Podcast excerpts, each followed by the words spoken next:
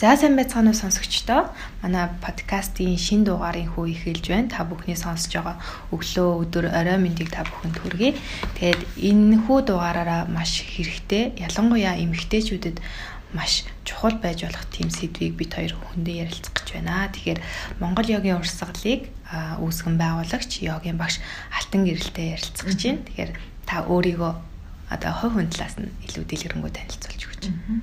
За сайн байна уу. Намайг тэгээд ийм гоё гэгээлэг те ээжүүд зориулсан те гол үүргээ хүн болсныхоо гол үүргээ хийж байгаа те ээж байх те эрхэм үүргээ ингээд хийж байгаа голчлон те тэр ээжүүд зориулсан ийм гоё гэгээлэг нэвтрүүлэгт өрсөнд баярлаа. Тэгээд намайг алтан гэрэл гэдэг а ерөнхий мэрэгжил маань холбооны инженер боловч яг бяцлаглалын зам хөрлөө ороод 10 жил болж байна.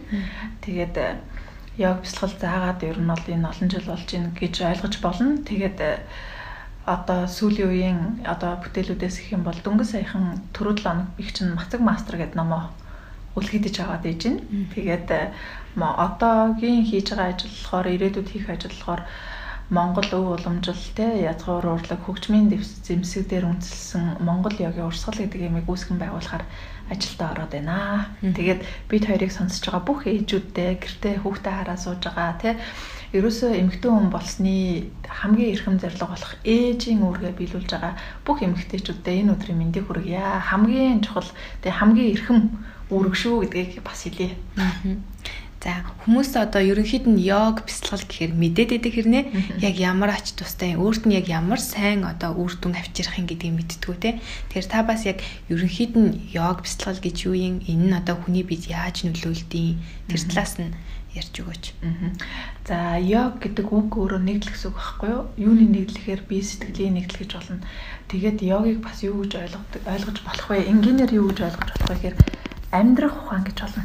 Тэгэхээр амьдрах ухаан дотор ч манай ардын ухаан орж байгаа тий манай аав ээжийн бид нарын өсгсөн арга орж байгаа бид нарын өөрийн энэ амьдралаас ингээс тий суралцж байгаа арга техник орж байгаа ерөөсөө бие сэтгэлийн нэгдлэл гэж ойлгож болно нөгөө арга билгийн нэгдэл гэж болно бид нарын эрүүл зөв урт удаан аз жаргалтай амьдрах ухаан гэж болно.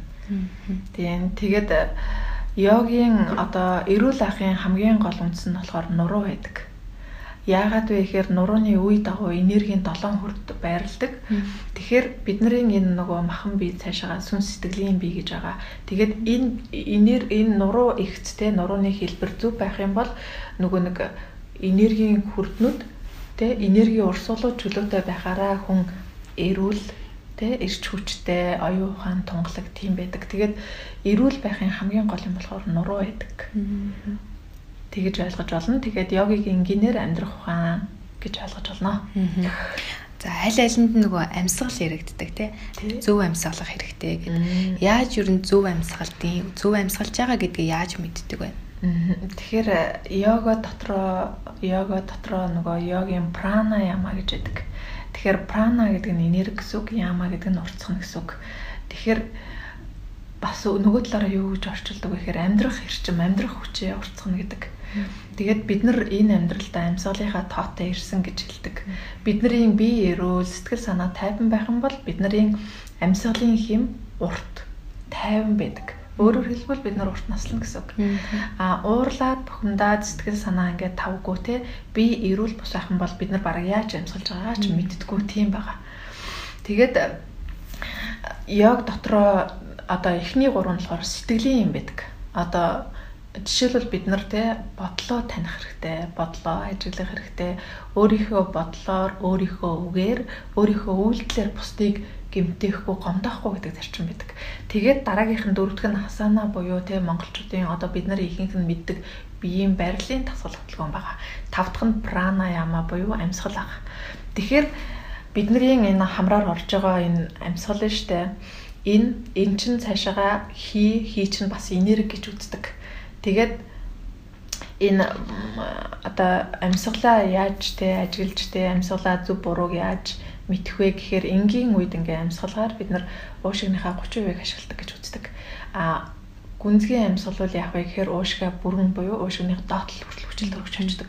Тэгэхээр уушиг зүрхээр шүүгж байгаа тэр хүчил төрөгч бусад те биеийн хэсгүүд эд эргэтэнд шимт хижээл болж очих хэвээр. Гэтэл 30% хөө те 100% хөө гэдэг одоо бид нарын яг ухамсарын асуудал болчихж байгаа байхгүй юу те. Тэгээд асуудлаа олвол хүн асуудлаа шийдэггийн адил тэ заавал нэг йог бяцлаглалын төвд очиод завил цугаад өөрийнхөө амьсгалыг засах биш. Өдрийн турш тэ өөрийнхөө өдрийн турш санахаараа өөрийнхөө амьсгалыг ажиглаж сурах хэрэгтэй. Тэгэхээр ямар сэтгэлийн хөдөлгөөний үед амьсгалын хим ямар вэ ажиглах хэрэгтэй. А бид нар нөгөө сэтгэл тайван бол юу гэлээ? Амьсгал ууж байна гэсэн шүү дээ тий. Тэгэхээр яа ууралсан үед ямар байна? Амьсгалын хим тий баярлсан үед ямар байна? Тайван үед ямар байна? Яарсан үед ямар байна? гэд тэгээд өдрийн турш ингээд санахаараа амьсгалаа ажиглаад амьсгалынхаа химийг мэдэж авлаа. Тэгээд ажиглахад засарна гэж үг гэдэг. Асуудлаа олвол асуудлаа шийдгийн адил өөрийнхөө амьсгалыг буруу байна гэдгийг мэдэж авлаа. Зөв нь ямар байх ёстойг бид нар мэдж байгаа те. Зөвийг мэдж байгаа учраас энэ ажиллахад өөрөө аандаа засардаг байгаа. Тэгээд дээрэс нь өөрийнхөө дуртай хөгжмийг сонсох те. Өөрөө өөртөөгөө байх Монгол аяа аялгау сонсох те уртын дуу сонсох бол хүний амьсгалыг гайхамшигтай ууж болгодог. Тэгэхээр бидний амьсгалын хэмийг ууж болгоно гэдэг чинь бидний сэтгэлийг айгүй сайхан засч байна, тайван болгож байна гэсэн үг. Тэгэхээр сэтгэл санаа тайван болохоро биедээ альва асуудал гардаг байгаа. Тэгэхээр бидний нөгөө нэг бид ил гараад байгаа тархалт ч юм уу те сэтгэл санааны тавгүй байдал чинь сэтгэл санааны тэр нөгөө нэг одоо энэ энэ сэтгэл сэтгэл санааны тавгүй байдлаас л биедээ асуудал гарч байгаа байхгүй. Тэгэхээр тэрийг засахын тулд те одоо ийм гоё ая аялгау сонсох мансах нөлөөлнө. Тэгээд хүний тэр нөгөө амьсгалж байгаа амьсгалынх нь химийг мэдрээд тэр хүн эрүүл хүн өө, өвчтэй хүн өө, сэтгэл санаа нь ямар байна гэдгийг бүрэн мэдэж олно. Тэгээд яг хоо э, сонсоод авахд болно. Тэ зөвийг өөртөө дадуулаад авахд болно. За одоо ээжүүдэд маань эхчүүдэд маань илүү хэрэгтэй байвал гэж бодоод асууж байгаа. Яг жирэмсэн болоод жирэмсний хугацаанд жирэмсний йог хийхийг одоо айгүй их зөвлөдөг болцсон байна тийм. Тэгэхээр жирэмсний йог нь яг ямар ач тустай юм? Жирэмсний йог хийснээр бас нөгөө төрөх үеийн өвдөлтийг бууруулдаг гэж хүмүүс яриад байдаг. Энэ үнэн үү? Энэ үнэн. За түрүүн хоёлаа амьсгал ярьжсэн шүү дээ. Тэгэхээр энэ жирэмсний өвдөлтийг юугаар арилгадаг юм те? Юугаар ингэж биеэсээ сулж явуулдаг юм гэхээр бидний амьсгал ах. Тэгэхээр бидний орж байгаа амьсгал болгоныг те инээрэх хүч одоо юу ч гэдэг юм те бид нарын бие тэрхтээ ингэж аваад а гарч байгаа амьсгал болгонтой хамт бидний бие болон бидний сэтгэл таагүй бүхнийг сулж явуулдаг гэж үздэг. Тэгээд одоо хүн өөрийнхөө бие дээр ажилт юм те орж байгаа амьсгал гарч байгаа амьсгалыг ажиглана. Жишээлбэл орж байгаа амьсгал, гарч байгаа амьсгалыг ажиглаад амьсгал авахд биед ямар өөрчлөлт өгч байна? А амьсгалаа гаргахад биед ямар өөрчлөлт өгч байна? Энийг ажиглаад сурах хэрэгтэй. Тэгэхээр жоохон те багтаа 5 10 минут суух хэрэгтэй байхгүй өөрийнхөө дуртай хөгжим дууг сонсоод тэгээд гарч байгаа амьсгалыг ингээд ажиглаад тахаар яах вэ гэхээр би сайхан сулраа тавираад идэв би сайхан сулраш тавирдаг. Тэгэхээр энэ гарч байгаа амьсгалтай хамт одоо жирэмсний йогагийн хамгийн гол юм чинь ерөөс амьсгал заадаг байхгүй юу. Тэгэхээр энэ гарч байгаа амьсгалтай хамт жишээлбэл нөгөө ээж ингээд өвдөөд эмнэлэгт очсон байх та гарч байгаа амьсгалаа ажиглаад гарч байгаа амьсгалтай хамт өвчнөө ингээд гаргалаа гэж бодвол өвчин намддаг юм баг. Тэгээд онлоороо бол те би Ирландд эмчилгээний йогийн багшийн курс те тэгээд энэтхэг таштанга йога, хата йогийн багшийн курс төгссөн байгаа.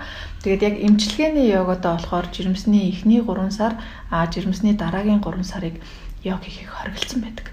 Тэгэхээр йог гэдэг болохоор биеийн тасгал хөдөлгөөнөөс гадна маш их энерги урсгал байдаг учраас тэгж магтгүй хориглосон байх. Тэгээд дээрэс нь манай Монгол орны ерөнхий одоо нөгөө хандлага болохоор зулбалт ихтэй байгаа. Тэ ээжүүд маань хөдөлгөөний дутагдал муутай тий жирэмсэн болонгуудаа өмнө ингээ ямар ч тасгал хөдөлгөөн хийдэг хийдэггүй бэж хагаад гинт нөгөө жирэмсэн болонгуудаа йога сайн гэсэн гээд тасгал хөдөлгөөн ингээ хийгээд эхэлтэн штэ. Тэгэхээр бас багшаа их зөв сонгох хэрэгтэй тий хүчтэй тасгал хөдөлгөөн хийхдээ гол нь биш тий өөрийгөө сайхан таймшруулдаг бие ингээ сулж чаддаг тий амьсгалаараа өвчнөө намдаа чаддаг ийм л ухаанд л суралцах хэрэгтэй байгаа юм. Тэгээд үнэхээр амьсгалаараа ол хүчнөө намтаад шүү. Тэгээд төрөлт болгон өөрийн гэсэн хувь заяатай тий хүүхэд болгон өөр өөрийн гэсэн түүхтэй. Тэгээд яг бас хит ямар нэг юмд найдаж хит ямар нэг юмд тэгээ бас бардаж болохгүй. Жишээлбэл би сая ингээд йогийн багш мөртлөө сүүлийнхээ хүүхдийг үнэхээр хүндрэлтэй төрүүллээ. Би юу гэж бодож исэн бэхээр би йогийн багш юм чинь би амьсгалаараа ингээд өвчнөө нандаачих юм чинь гээд ингээд бардажсэн боловч маш хүндрэлтэй төрсөн. Тэгээ би юу гэж ойлгосон бэ гэхээр төрөлт болгон өөр гэдэг юм байна. А энэ төрөлт болгоныг ингэж бардаж болдгүй юм байна гэдгийг л аюусаа ойлгосон. Тэгээд яг хоо ээж өөрөө тайван байхад л болондоо гэж бодож байгаа. Тэгээд дээрэс нь төрхийн дараах гам гэж ярьдэн штэ. Тэгэхээр миний ингээд ойлгож байгаагаар бол төрсний дараах гам гэдэг хүний нөгөө сэтгэл санаа, ээжийн сэтгэл санаа тайван байхыг л би хэлдэг юм байна гэдгийг бас ойлгосон шүү. Тэгээд одоо гам барих гал те гам алдчихлаа ч гэдэг юм ингээл манайх ингээл яриад байдаг штэ. Тэгэхээр сэтгэл санаа чинь тайван байвал гамаа зүг байж гинаа л гэсэн үг гэдгийг хэлмээр байна. Тэгээд одоо йога хийж байгаа түрүүн болохоор ингээ хэллээ шүү дээ. Онлоороо бол эхний 3 сар, сүүлийн 3 сар болохгүйгээ хэлчихлээ шүү дээ. А гэхдээ өөрөө ингээ спорти тий ингээ тасгал хөдөлгөөн хийдэг, алхдаг. Өөрийнхөө биеийг мэдэрдэг хүн болохоор тий хийж болно йога. Ямар ч үед хийж болно. Тасгал хөдөлгөөн тодорхой хэмжээгээр хэрэгтэй. Гэхдээ мэдээж нөгөө хүчтэй тасгал хөдөлгөөнийг бол хориглоно. Тэгээд багшаа их зөв сонгохоос эхэлнэ тэ. А за төрөх үед ингээд амьсгалаараа хүчингөө намдаач чинь тэ. Тэгэхээр яг жирэмсэн байх үедээ жирэмсний йог хийлээ. Тэр нь одоо эхийн биед хүүхдэд яаж нөлөөлдөг вэ?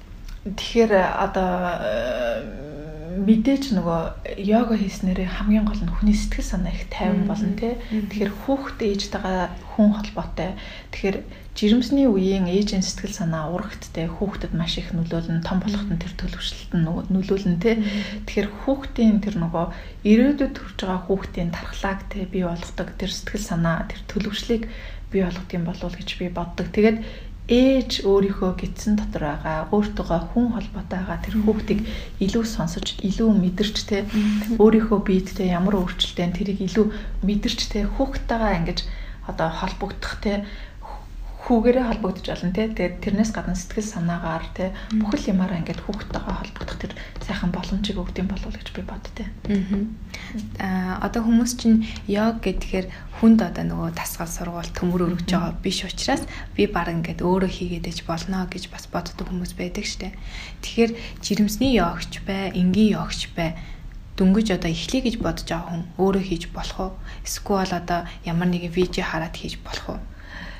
Тий гэртээ эхлүүлж болно. Одоо жишээлбэл э, миний өгж байгаа мэдлэг юу вэ гэхээр та өөртөө хотож гэдэг байхгүй юу? Одоо манай Монгол орны ерөнхий хандлага болохоор манай эмэгтэйчүүд маань өөрийнхөө эрүүл мэндтэй биеийн чин бүхэл юм ямар нэгэн сургалтын төвд мөнгө төлөөд авдаг гэж ойлгоцсон байгаа байхгүй юу? Тэгэхээр би өдийн хугацаанд те ингээд өгчээсэн энэ мэдлгүүд маань миний сургалтууд маань юу вэ гэхээр ерөөсөө та өөртөө хотож таны эрүүл мэнд тань дотор байгаа. Таны те одоо мэдлэг танд байгаа гэдэг те та өөрөө өөрийгөө сонс өөрөө өөрийнхөө хүчинд итгэл гэдэг юм байдаг. Тэгээд гэртээ хийж болно. Тэ видео дагаад хийж болно. Цаг зав байх юм бол йогийн төвд очиод хийж болно. Бүх юм боломжтой байхгүй. Тэрнээс гэртээ суугаад гэртээ суугаад за йогийн төвд хийгээгүй юм чинь энэ болсонгүй. Одоо ерөөсө хандлага айгуу чухал болсон шүү дээ. Хандлага яг ингээ хоол хүнсэн дээр яривал жишээлбэл манайхан ингээл одоо хоол хүнсийг тэг хятад гэж сэжигтэй идэж гин таргаландаа гэд идэж гин тэр нь өөрийнх нь бид ингээд нөлөөлөд байгаа байхгүй юу? Нийтдээ ерөнхийдөө ингээ хоол хүнсний аюулгүй байдал асуудалтай болцсон үед ямар ч юм байсан одоо хүн одоо за сайхан шингэнэ аршаан болгоод хүртий гэж бодвол эн чинь өөрийн бие шингэх байхгүй юу. Жишээлбэл орон цагаар ингээ хоолж захтаа за би орон цагаар хоолж чинь буруу таргална гэвэл тэл таргална. Аа за ажлын шаардлагаар угаасаа цаг үеийн ийм болсон юм чинь ороо идчихвэл за би сайхан шингээндээ гэдүүл энэ шингэн. Яг энэний адил тий? Өөртөө ингээ хийж байгаа бүхэндээ ихтгэлтэй байж өөрөө их ихтгэлтэй бай. Тэгээд дандаа бурууг зөв болгожээ хандлага зөв болгожээ тий? Болондоо тий? Одоо эргэн тойрондоо байгаа юмараа ингээл болгож байгаа даа өөртөө ингээд ханамжтай, үнэмшилтэй, ихтгэлтэй байгаарай л гэж хэлээ. Гэртээ одоо ингээ хүүхдээ хараа сууж байгаа юм. За би тэгвэл одоо өнөөдрөөс йог хийяач юм уу гэж шийдлээ гэхэд юун дээр илүү анхаарах уу? Одоо нөгөө йоги чинь яг амьсгал зөв байж иж зөв болдог гэж хүмүүс яриад байдаг тийм. Тэгэхээр бас юунаас нь илүү, юун дээр нь илүү анхаарах хэрэгтэй бол яг хийж эхэлж явах үедээ. За ерөнхийдөө за ингэн эхлээд одоо хүмүүс болохоор ингэдэг юм аа. Хүмүүс надаас ингэ асуудаг юм болохоор хамгийн сайн төв аль вэ? Хамгийн сайн багш аль вэ гэж асуудаг. А одоо болохоор тэгээ өөрийнхөө би болохоор тэр хүмүүст юу гэж хэлдэг вэ гэхээр замын төвчөө ямар их байгаа вэ те эхлээд аль те цаг хэмнсэн өөртөө ойрхон йогийн төвөө сонгоо л гэж хэлдэг. А дээрэс нь манай йогийн багш нар бүгдээрээ л өөрийнхөө те хамгийн сайныг хийж байгаа хүний төлөө те тэгээд тэрнийхээ дараа тэгээ үнэхээр нөгөө йога дурлаад тэг хамгийн сайн багшийг сонгож болно. За йога эхэлж явах үедээ нэгдүгээрт те одоо яах гэж зорилгоо тодорхойлох хэрэгтэй. Заавал ингээд те одоо юу гэдгийг өөрийнхөө хүн болгон өөр өөр ингэсэн уян хатан чанартай байгаа те өөрийнхөө биеийн онцлогийг бусдтай нэгдүгээр харьцуулжлахгүй. Тэгээд багшигаа сонсоод амьсгалаа ажиглаад хийх нь хамгийн зөв. Гэтэл манайхан ялангуяа манай монголчууд яадаг вэ гэхээр бие биенээ ингээ хараад байдаг байхгүй юу? Тэгэхээр эн чинь нөгөө нэг йог гэдэг үг чинь нэгдэл юуны нэгдэл гэхээр бие сэтгэлийн нэгдэл. Бид нар нөгөө амьсгалаа өөрийнхөө биетэй холбох гэж байгаа байдалтай ингээ гадагшаага хараад анхаарлаа сарниулаад байгаа байхгүй юу? Тэгэхээр йог гэдэг ерөөсөө л яг өөрийгөө л таних нэр, өөрийгөө л ажиглахын нэр, өөрийнхөө амьсгалыг л ингээ танихын нэр. Амьсгалаа ажиглах тусам өөрийн чинь хүч өөрийн чинь эрүүл мэнд дотроосоо дэлгэрдэг юм байна. Тийм шүү. Төрсний дараа нөгөө ер нь айгүй их ядардаг болчдаг тий дасгал хөдлөн хориод идэг ч нэг хэсэг тий йогиг ер нь хизэнээс хийж болох вэ? За энэ төрөлтөөсөө шалтгаална хэрвээ нөгөө тий байгалийнхаа жамаар төрсөн бол энэ асуудалгүй шүү дээ тий тэгээд ер нь сарын дараанаас би болно гэж бодож байна. Ягаад тэгэхээр эхний нэг сар бол тэр хүн тэнхрэх хэрэгтэй тий. Тэр тэнхрээгүй ээжэж йога хийгээд йогоор тэнхрэнгээ явах юм бол нөгөө явдалтаач тэр тий. Одоо нэг их их нялхарсан байгаа штэ. Тэгэхээр эхний нэг сар бол ямар нэгэн байдлаар юу ч хийгээд хэрэггүй л гэж би хэлсэн сайхан тэнхрэх хэрэгтэй хэрвээ хийсвэр хагалгаагаар төрсөн бол юу гэж хэлдэг вэ гэхээр эхний 6 сар болохгүй гэж хэлдэг. А гадна талын шарах ингээ идэгцэн байгаа боловч дотроо нөгөө шархан гүцэтгэв гэдэг байхгүй. Тэгэхээр эхний 6 сарыг хориглолцсон байдаг шүү. Тэгээд Тэгээ цаг агаараасаа шалтгаалаад тий хизээ сайхан дулаан цаг агаар байна. Хизээ өөрийнх нь цаг нар боломжтой байна. Тэрийгэ харж ээж тий өөрийнхөө өөрийнхөө амьдралын Тэгээ хөвшилтэд тааруулж яаж цаг үлрэлтэйгээ тааруулж яаж явбал зүгээр. А тэрнээс би ингээд одоо төрсөн юм чинь гэртээ суугаад тархал нь йогод явахгүй болохгүйгээд нэлэх биетэй ээжэж тэ энэ өвлийн хүүтэнд гарч яваад байвал болохгүй штэ. Тэгэхээр яг ингээд өөрийнхөө тэ амьдралынхаа хөвшилтэй өдөр тутмынхаа тэр хөвшилтэй зохицуулаад сайхан аажуу тавин хийгээрэй л гэж хэлнэ. А би нь ингээд ерөнхийдөө гайгүй тэ сэтгэл санаа тав тэ гэр бүлийн харьцаач гэсэн сайхан бол нэг сартаагаас хийж болно. А хийсвэр хаглаа болохоор 6 сартаагаас хийж болно. А тэгчээд хүүтний уйлралт болохоор гэртээ суугаад би йога хийхгүй тэглээ тэглээ инглээ гэж бодоод хэрэггүй те. Яг л хизээ нэг өөрт нь таатай байна. Тэр үедээ л яваарай л гэж хэлье. Төрсний дараа одоо бүх бараг ээжүүдэд тулгардаг асуудал нурууны өвдөлт гэдэг шүү дээ. Ингээс ингээ босож өндийж болохооч байж дээ хүүхдээ ээж тэрж чадгаа ч гэдэг. Энэ нурууны өвдөлтийг йогоор эмчилж болох уу? За эмчлэе гэж байгаа бол заавал багшийн хяналтанд дор байх уу? Аа. Тэгэхээр түрүү хэлсэн шүү дээ. Йогагийн хамгийн гол юм болохоор нуруу, нуруу эрүүл байвал хүн эрүүл байна гэж хэлсэн. За хүмүүс болохоор ингэж ярьдээ төрчөөд нурууны өвчтэй боллоо гэж ярьдаг. Би энийг буруу гэж боддог. А төрснээ дараах дадлахгүй юу? Манай ээжүүд нөгөө аяг уугадаг дадал нь нуруу, нурууны хэлбэрийг өөрчилж гэн, хүүхдэд хүүлж байгаа хэлбэр нь нурууны хэлбэрийг өөрчилж гэн. Ингээд нурууны өвчлөлтэй болдог. Тэгэхээр нуруу юу ч хийсэн хоол идсэн ч хүүхдээ хөхүүлсэн ч аяг тавгаа угаасан ч энэ нуруу ихц байхыг сайн бодоорой. А төрсний дараах тэр хөвшлүүд те нурууны эрүүл мэндэд нөлөөлж эхэлдэг. Тэгээд өвдөд идэг бахана тий. Тий. Тэгэхээр юу яадаг штэ. Одоо хүүхдээ хөхүүлэхдээ жишээлбэл тэгээ нэг хүлэнд ороо юм ивдэг, тэгээ гаранд ороо юм ивдэг. Хамгийн гол нь нуруу тэгшхэн байх юм бол хүн ирүүлэн. Тэгээд нуруу тэгшхэн байх юм бол хүний сэтгэл санаа тайван байна. Тэгэхээр нурууны хэлбэрт өөрчлөлт ороод эхлэхээр сэтгэл санаач тавгүй болж эхлэн биедээ ч асуудал гарч эхлэн эрүүл мэндч доолдож эхлэх байхгүй юу. Тэгэхээр заавал ягоор засах биш те. Өөрийнхөө дадлуудаа ажиглаад өөрөө юм хийхдээ нурууны хэлбэр ямар байдаг юм бэ те? Өөрөө өөртөө отож байж сурна одоо. Тэгээд өөрийнхөө хэлбэрийг засна. Өөрийнхөө хүүхдээ хөхүүлэхдээ яад юм бэ те? Бид нар бол хүүхдээ хөхүүлэхээс л нурууны хүчтэй болдог гэж бодож байгаа хүүхдээ хүлэх. Тэгээд памперс солих. Аа. Памперс солиход яадаг вэ гэхээр баруун болохоор памперс солидог юм шүүгээ байдаг байхгүй юу? Тэр нь яадаг вэ гэхээр ерөөсөө ээж зогсоо. Зогсоо барил те нуруундаа ингээд ямар нэгэн өөрчлөлтөхгүй. Гэтэл манай монголчууд яадаг вүлээ ээж нар маань яадаг вүлээ орон дээрээ хүүхдээ хажууд шиг хараад бүгдийг солидог байхгүй юу. Тэгээд эндээс л хүүхдээ хөлөх памперс солихоос л нурууны хүчтэй болдог. Тэгээд за гэртээ заавал тэр нөгөө памперс солидог ширээг аваад авах шаардлага байхгүй тий. Орон дээрээ хүүхдээ тавьчаад өөрөө газар өвдгөлж болно шүү. Тэгэхээр нуруу их цаа байхгүй. Тийм ээ. Тэгээ хүүхдээ одоо жишээлбэл яг одоо энэ хоёр битэрийн энэ байрлахгүй би хүүхдээ ингээд памперсын солиж. Тэгэхээр нуруунд ямар нэгэн тэгээ хэлбэрт нь асуудал орохгүй болохоор сэтгэл санаа тайван байдгийг шүү гэж хэлээ. Амсгал ингээд тэгшингүүж тий. Яг үнэн.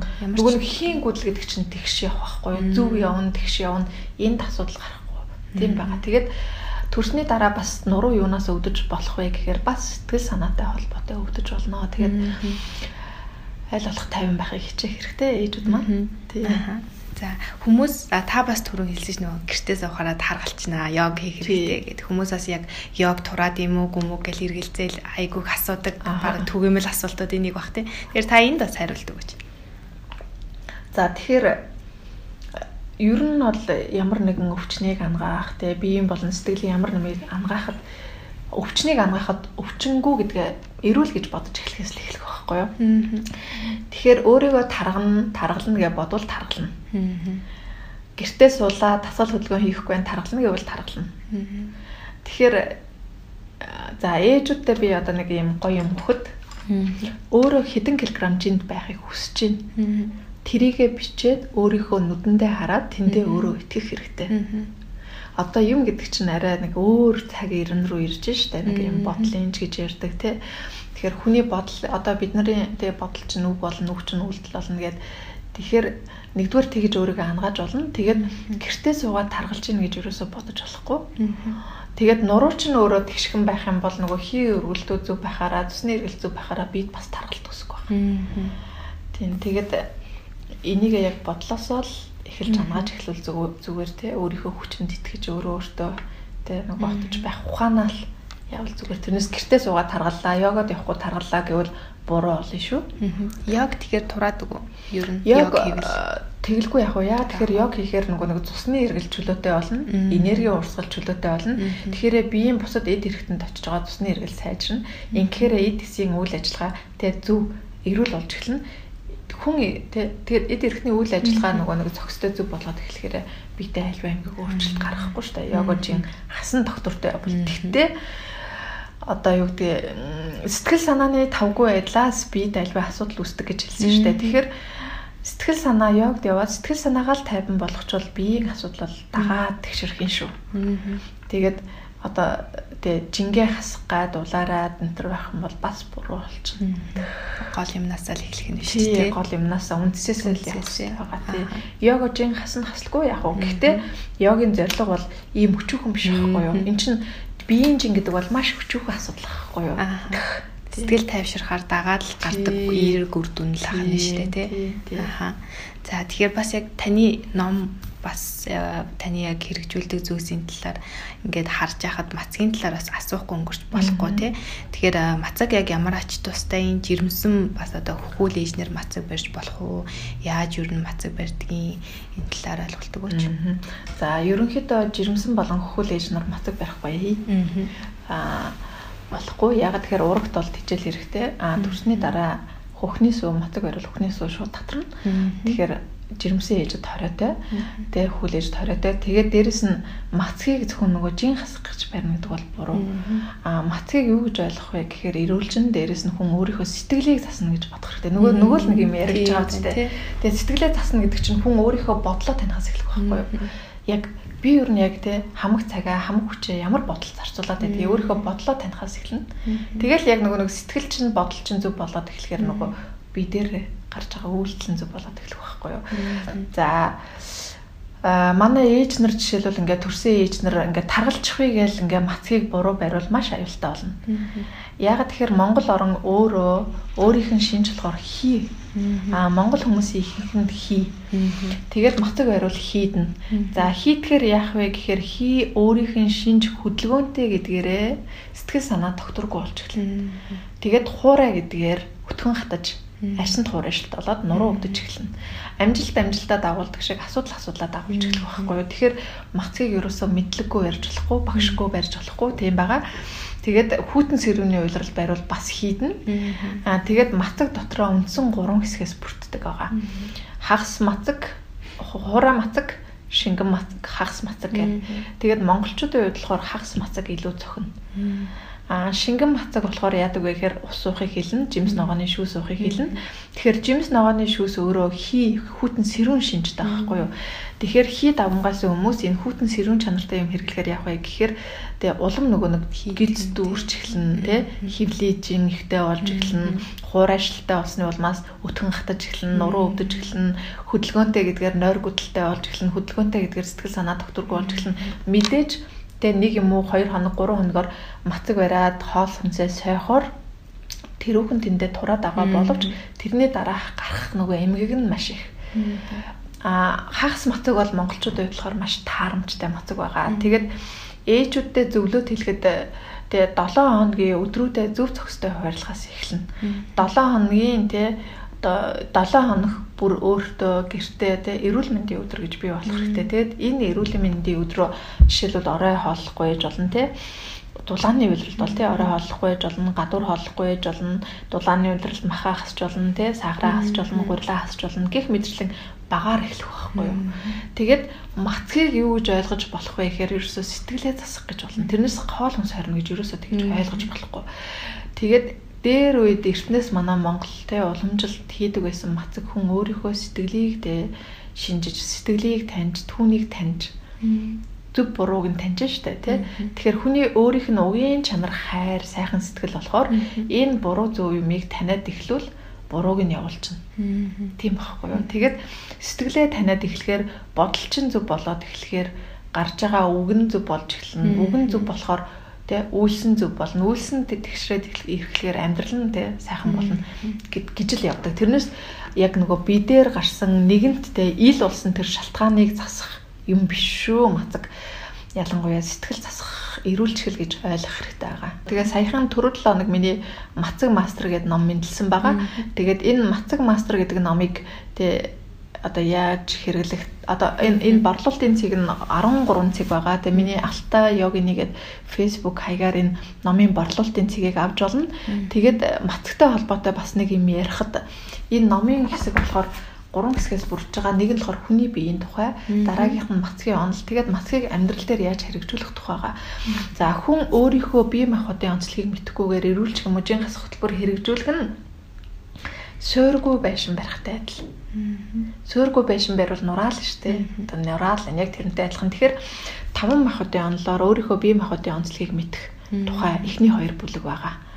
Тэгээд дараагийн бүлэг нь болохоор мацгийн онол. Тэгээд дараагийнх нь болохоор амьдралдаа хэрэгжүүлэх байгаа. За тэгэнгүүт бидний биед үүсэж байгаа энэ таргалт юунаас үүсдэг вэ гэхээр бидний биед байгаа гурван төрлийн toxins буюу heart beats-аас үүсдэг байгаа. Санскритаар ама гэж хэлдэг байхгүй юу? Тэгэхээр энэ toxins чи хаанаас үүсдэг юм гэхээр одоо бидний амаар давж байгаа бүхнээс үүсдэг. Тэ?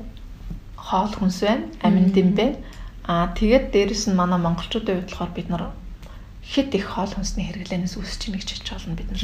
Ер нь бидний бие дагаа аливаа эмгэгтэй энэ таргалтыг юу гэж ойлгож болох вэ гэхээр энийг энэ зовлон биш энэ асуудал биш хамгийн гол нь бидний хэд их тав тух хэд их хэрэглээ энэс үүсэж байгаа байхгүй юу.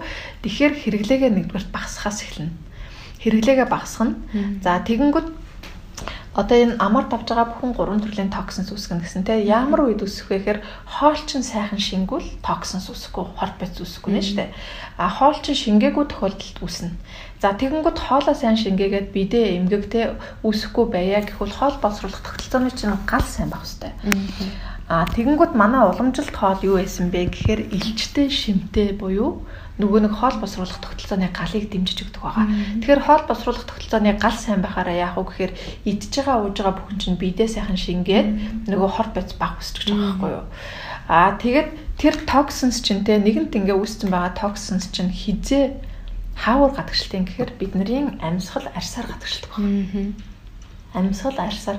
Тэгэнгүүт арьсны хуурай цэвэрлэгээ гэдэг юмыг энэ номонд оруулж өгсөн байгаа. Дээрэс нь арьсаа хуурай цэвэрлэх ямар үр дүнтэй вэ гэхээр бас хий дарна, ядаргаа тайлна, тэ? Нөгөө токсинс гадагшилж байгаа замыг цэвэрлж өгнө гэдэг ийм гайхамшигтай байгаа. За тэгээд бид үссэн нөгөө токсинс те энэ хорт бац юу үсэх вэ гэхээр таргал сэтгэл санааны тавгүй байл өвчлөлөг үсгэж эхэлнэ. Тэгээд тэгэнгүүт яг ингээл үнцээр нь явахар болчих жоод тэгэнгүүт уламжилт хоолоо судлах байгаа. Хоол маань илчтэй шимтэй гэж явдаг. Одоо яг л Монгол орны цаг агаарын нөхцөлд Монгол хүний те ерөнхий бие физиолог хий болохоор хий гэдэг нь хуурай ахгүй юу. Хуурай эсрэг яг бас илчтэй шимтэй хоол өгөхөөрөө энэ чинь арга бэлэг болчихж байгаа зүв. Тэгээд дээрэс нь таны хоол боловсруулах тогтолцооны гал хизээ хасдаг вэ гэхээр хизээ ертөнцийн арга хурц байна таны хоол боловсруулах тогтолцооны гал хасдаг аа гэд тийм юм байгаа шүү. За тэгэхээр та бас сая хэлсэж монголчууд ер нь хийдэх хандлагатай байдаг гэх тийм. Ялангуяа эмэгтэйчүүд маань ингээд нэг тарган биш хэрнээс ингээ хөвлийн хэсэгт нэг юм зүдийцэн жирэмсэн юм шиг тэгээ нэг голын хий савны хий ихтэй юм шиг санагдаад байдیں۔ Тэгэхээр яг энэ хий нь юунаас үүсдэг? Яаж ер нь одоо дарвал зүгээр гэдэг бай. Тэгэхээр хий оршдог орон болохоор бүдүүн гэж байгаа. Нэгд. За монголчууд ганцхан эмэгтэйчүүд биш тий эрчүүд хүртэл ингээд хөвлийн чин ихтэй байгаа дээ шүү дээ. Тэгэхээр энэ болохоор нөгөө хоол хүнсний үлдэгдлээс үүсэж байгаа токсинс юм тий нөгөө нэг амаа хорт бацаас үүсэж байгаа хийцнээс үүсэж байгаа. Хамгийн гол чухал юм нь болохоор юу вэ гэхээр одоо энэ бидний хөвлөд байдаг наран сүлжээ хүрдэг гэдэг шүү дээ энерги манипура чакра болохоор галын эрчим галын өнгө галын чимээ эндээ сэтгвчдэг. Тэгээд энэ өөрөө хүний нөгөө нэг өөрөө өөртөө итгэх итгэл ирч хүчтэй байх тэрийг одоо юу гэдэг илэрхийлдэг байхгүй юу? Тэгэнгүүт бид нар ахуйгаасаа холцсонтой холбоотой. Галаасаа холцсонтой холбоотой болчихж байгаа байхгүй юу? Тэгээд дээрэс нь хийцэнтэй холбоотой гэлээ шүү дээ. Хийцэнтэй холбоотой, хоол хүнсний үлдэгдэлтэй холбоотой. Тэгээд дээрэс нь хэд их хүт усны токсикгүй хэрэглээ. Одоо сүүлийн үеийн кофений хэрэглээ бид нарыг хийдүүлж байгаа. Гал руу ус ихээр яадаг үлээ? Гал унтардаг. Тэгэхээр хоол босруулах тогтолцооны гал муу болохоор нөгөө хоол нь шингэхгүй ихэнх нь токсинс буюу хорт бац болоод байгаа байхгүй юу? Тэгэхээр одоо хоолтондоо бас анхаарах. Хоолтондоо анхаарна тий. Тэгээд хүүтэн усундаага болох нь байна. Тий, тий, тий. Тэгэлгүй яг хөө тэгээд одоо нэг бас монголчуудын түгээмэл нэг алдаа болохоор намар олонгууд манайхан махтай хоолыг л хоол гэдэг бусад юмыг хоол гэж боддгоо штэ. Тэгээд намар олонгууд нөгөө хүүтэн сэрүүн чанартай нөгөө яг нөгөө ингээд ургацах гараал ирэхээр ногоо жимсээ хиддэг. Тэгээд энүүгээрээ нөгөө моцог барих гал ногоо жимсээ тий намар чин сэрүүн уйлрал орцсон байхад ногоо жимсээ ингээд түүхийгээр нь их хидээд тий ногоо жимсээ их хидээд тэрний хэрэглээ зөкстэй зөксгүй хэрэглээ ихсээд эхлэхээр ерөнхийдөө хийдсэн байжгаад хүүтний уйлралтай давчих байгаа байхгүй залхаад тэгээ хүүтний уйлралтай тасаж чадахгүй яжгаад хавар нь ингэж хямардаг тийм арт юм байгаа. Тэгэхээр намрын уйлралд хэрвээ ногоо жимс идэхээр бол те жимс ингээд тэгтээ тэргүй импортын барааны жимснээс аминд юм аавна гэж худлаа болсон. Тэгэхээр ер нь бол жимсний хэрэглээгээ багасгах хэрэгтэй. Ялангуяа импортын жимсний те одоо зэрлэг жимсээ идэх хэрэгтэй. Тэгээ зөв идэх хэрэгтэй те юутай идэх үү гэдгээ мэдэх хэрэгтэй. Тэгээ дээрэс нь ногоо те ялангуяа ногоо навчт ногоо байна те тэд нарыг хий үсгэх шинжээнд арах буюу те салат хийхдээ тостой хэрэглэх ч юм уу эсвэл болгож хэрэглэх ч юм уу хий үсэхгүй байх тэр гмийн дарж үсэхгүй байх талыг бодож хоол хүнсэндээ дандаа болгож тэгээ чанж идүүлэх зүгээр. Гэхдээ ямар ч тэ амин дэмтэй юм аваад ямар ч сайн юм аваад хэд болгоод хэтрүүлээд идвэл бас хорлох нь шүү дээ. Тэгэхээр түрүүн хэлжсэн шүү дээ нөгөө биеийн одоо бидний бие дагаа альва эмгэг болохоор ерөөсөө хэд их хэрэглээтэй холбоотой учраас өнөөдрөөс эхлээд хэрэглээгээ багасгах хэрэгтэй, зөв төгстэй тэ хооронд нь зохицох юмудаа сайн идэх хэрэгтэй. Тэгээд улиралдаа тааруулж идэх хэрэгтэй одоо энэ хүүтэн сэрүүний уйлрал дандаа л юм халуун илчтэй чанартай л юм идэх хэрэгтэй. Тэгжээж бид нар хийгээд дарна. Тэгэхгүй бол намар ингээд сэрүүдчингүүтээ хүүтэн уйлралтай залгаа тэр нь хавар ингээд хямарч байгаа байхгүй. Би гол нас яг нэг асуух гэж байгаа юм нь одоо хий дарах барай засал гэд одоо айгүй их байна л да гадуур. Тэр зүгээр барай заслаар хий дарагддаг юм уу? Үгүй үстэй л гэж бас асууж байгаа маань энэ ахгүй. Тэгээд хий чи өөрөө бас үнрээр дарагдаг. Тэгээд э, сайхан харцны үнэр төртөл дарагдана тий гэртээ тос сайлахад дарагдана тий хуйшурны үнэр хиншүү хэрвсны үнэр дарагдана гэж хэлдэг бас тий тэгэхээр өөрөө л айдуу наман байхад хүртэл хий дарагдана шүү дээ нуруу тэгш суухад хий дарагдана тий тэгээд нөгөө арьс цэвэрлэгээ сайн хийгээд өөрийнхөө арьсыг нөгөө яг нөгөө нэг хий дарах хамгийн түргэн тусламжлахоор арьс цэвэрлэгээ л байгаа. Өөрийнхөө арьсыг сайхан цэвэрлээд тэгээд яг нөгөө зориултын эмчилгээний тоснууд ингээд түрхэхэд бас хий нэг хэсэг сайхан дарагдана. Тэгээ ундах хөстэй цагтаа ундах хэрэгтэй. Тийм баг. даарч болохгүй гэж зөндөө л юмнууд байгаа. Тэгээд яг уламжлалт хоол хүнс маань яг л хий дарахад зориулагдсан. Ардын ухаан, энэ сургаал, ардын хөгжим тэ энэ арц хүчний өнөр хүртэл тос айлах өнөр хүртэл хий дардаг баг. Ерөөсөө л манай энэ Монгол орн зориулагдсан шашинч бай, ухаанч бай, хоол хүнсэнч бай бүгд л хий дарахад зориулагдсан байгаа байхгүй. Тэгэхээр тэрийгээ судална. За миний хувьд ер нь асуулт маань болчлоо. Тэгэхээр таны хувьд бас яриан дундаа марцсан ч юм уу одоо дахиж хэлмээр байгаа зүйл байл одоо хэлчихэл. Тэгэхээр сүүлийн үед ингээ ээж нарыг харахад нөгөө голцсон хүүхдээ ингээ гаднаас худалдаж тий сайн мэдүүлээд ирүүлэн гэж бодоод тах шүү. Тэгээ аль сайн бүтээгдэхүүн аваад ч юм органик бүтээгдэхүүн аваад тэгээ янз бүрийн амьд юм уулгаал тэгжээл хүүхд нь эрүүл байх гэж бодоод байгаа байхгүй юу. Тэгээд дээрэс нь би болохоор нэраа хүүхдийн усан сэлэлтийн багш штэ. Тэгэхээр нэраа хүүхдийн усан сэлэлтийн багшийн хамгийн гол нь болохоор ээж хүүхдэд тэрхэт идэг. Ээж хүүхдэд тэрнэ гэдэг чинь ямар ч амин дэмээс илүү хүүхдэд тархлаа үүсгэх юм бэ нэгд. Аа тэгээд хоёр талаар нөгөө бид нар хүүхдээ усанд оруулахдаа нэг мянган жилийн хэртэй хүн оруулж байгаа юм шиг л тийш ингээл хамаг юм ингээл угаагаал хөөсрүүлээд хүүхдээ зовоочдээ штэ. Тэгэхээр дулаан орчныг бүрдүүлээд хүүхдийг усан цуулгаад тавтай ингээд тоглуулах чинь тэр хүүхдийн бас тархлааг сайжруулна. Тийм байгаа. Тэгээд ээж өөрийнхөө өгж байгаа хоолндоо өөр өөрийнхөө тэг хийж байгаа бүх юмдоо ээж өөрөө үнэмшилтэй ах хэрэгтэй. Хүүхдээ ангаана гэдгийг те Тэгээд ээж өөрөө хүүхдээ гарынхаа элчээр хүртэл ангаана. Тэгээд хүүхдээ сайхан тэрвэр тэгээд хүүхдээ гарынхаа элчээр ангаа. Тэгээд юу ч гэсэн хүүхдээ аршаан болно, тэг охиндоо аршаан болно, им болно гэж зөв сэтгэлээр өгөх хэрэгтэй. Тэрнээс тэр нэг ямар нэгэн бараа бүтээгдэхүүн хэрэглэхгүй тэг хэрэглэхгүй байгаад хүүхэд нь эрүүл байж чадахгүй гэдэг тийм нэг жижиг бодлуудыг хаях хэрэгтэй. Гаднаас л нэг юу авах гэдэг шүү дээ. Тийм тийм хүүхдийн тэр эрүүл мэнд тэг хүүхдийн тэр бүхэл юмыг ээж өөрийнхөө бодлороо тэ тэр тархлааг нь бий болгож болно, тэрвэрлэл дээрээ бий болгож болно, үгээрээ бий болгож болно, гарынхаа илчээр илээд бий болгож болно гэх мэтчлэн энгийн юмнууд байгаа. Тэгээд хоол цайгаа бас зөөх хэрэгтэй, сахараа багасгах хэрэгтэй. Сахар бол хүүхдийн тархлааг те багасгадаг. Тэгээ манай ээжүүд сайн мэдхвэлгүүдээ ингээд дэлгүүрт ороход те ингээд сахартай ундаанууд килограммын боо борцог тэгэл амттан байдэн штэ эднэр ч ерөөсөө хоол биш. Тэгэхээр хоол хоолын өгсдөө цагтаа сайн өгөөд хоол хооронд юу өгдөг тэрэндээ их анхаарах хэрэгтэй. Тэрнийхээ хэрэглээг багасгах хэрэгтэй. Хоолоо идэхсдөө цагтаа сайн идэх зүгт хоол хооронд юм идэхийг хүсдэггүй байхгүй юу. Тэгэхээр хоол хоорондох имийг хамаагүй их өгснөөс болоод хүүхд үндсэн цагаараа бас хоол идэхгүй байна. Тэгэхээр ээж хүүхдэд өгж байгаа болгоноо зөв гэж бод. Хүүхдэд эрүүлжүүлнэ гэж бод. Тэгээд хүүхдэд тэрвэрлэл дээрээ бодлороо үгээрээ ангаа. Тэгээд гарынхаа элчээр ангаа. Тэгээд ээжийн хүч бол те хүүхдийг ангах тэгээ тэр бүх шид ээжд байгаа ээж өөртөө ихтгэл гэж хэлмээр байна. Тэрнээс ямар нэгэн бараан бүтээгдэхүүн авч те хүүхдээ ангах биш шүү гэж хэлмээр байна. Тэгээд ээж болгонд те одоо гэртээ сууж байгаа бид хоёрыг сонсож байгаа ээж болгонд та хэд те хүн болсны эмгтэй хүн болсны хамгийн эрхэм зорилгоо биелүүлж байгаа шүү.